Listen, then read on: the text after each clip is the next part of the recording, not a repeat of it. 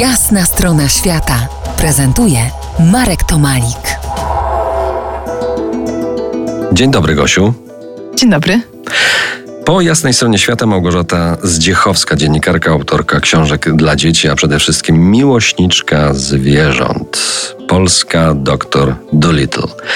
Dziś będzie o zwierzakach, te co skaczą i fruwają, na nasz program zapraszają. Gosiu, no to zacznijmy od Australii, bo masz ją na świeżo w pamięci. Właśnie stamtąd wróciłaś. Ja też stamtąd wróciłem całkiem niedawno, ale tym razem na Tasmanii nie byłem. Czym zajmuje się Trowuna Wildlife Sanctuary? Ośrodek ten zajmuje się rozmnażaniem zagrożonych gatunków, takich jak diabeł tasmański i niełazy plamiste. Mają też niełazy wielkie i część e, małych wypuszczają na wolność, czyli połowa zostaje w ośrodku, połowa wraca na wolność po to, żeby właśnie wspomóc tą populację na wolności, która się drastycznie zmniejsza. Poza tym też mają e, wąbaty i do ośrodka trafiają e, sierotki. I ośrodek albo się nimi zajmuje, albo właśnie one trafiają do profesjonalnych opiekunów, którzy ratują te zwierzątka. Diabeł tasmański? Tak, diabeł tasmański. No właśnie. Największy torbacz mięsożerny w Australii. Chociaż nie wiadomo, bo ostatnio tygrys tasmański podobno został odnaleziony, no więc zobaczymy, czy diabeł tasmański utrzyma to miano, ale póki co jest największym torbaczem mięsożernym. Chyba z nim najmocniej kojarzy nam się Tasmania, właśnie z diabłem. Pamiętam nieprzespaną noc w namiocie w, w Parku Narodowym Freycinet. Diabły urządziły sobie obok mojego legowiska niezłą jatkę.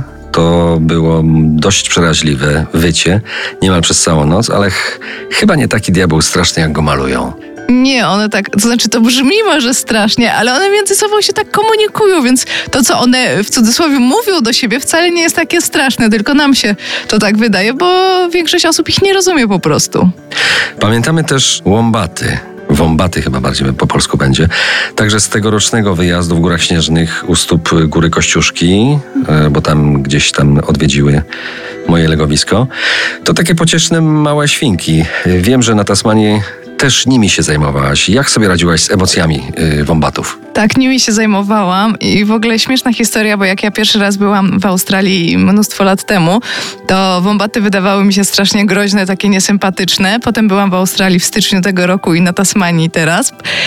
I okazuje się, że wombaty są przekochane, przesłodkie, y, ponieważ y, w Trounie mamy wombaty, które zostały wychowane przez człowieka, bo one trafiły tam jako sierotki, to one są przyzwyczajone do ludzi, one są oswojone. I strasznie śmiesznie było. Na przykład Eni, dorosły wombat, biegła do mnie, jak y, przychodziłam do jej klatki sprzątać albo z jedzonkiem, biegła, żebym ja ją łasiała, miziała. Małe wombaty były jeszcze bardziej zabawne, bo one wchodziły mi na kolana, wdrapywały się na plecy, strasznie potrzebowały te, u, tego uczucia, tego, żebym je głaskała, przytulała, więc sprzątanie w ich klatkach było bardzo przyjemne, ale też niekiedy śmieszne, no bo wyobraź sobie, kucasz i sprzątasz kubki, a, a wombat wchodzi ci na plecy albo na kolana, więc to było strasznie przyjemne. Za kilkanaście minut zajrzymy do Peru. Dowiemy się, jak Gosia rehabilitowała wełniaka i co to jest, kto to jest wełniak. Zostańcie z nami po jasnej stronie świata. To jest jasna strona świata w RMS Classic.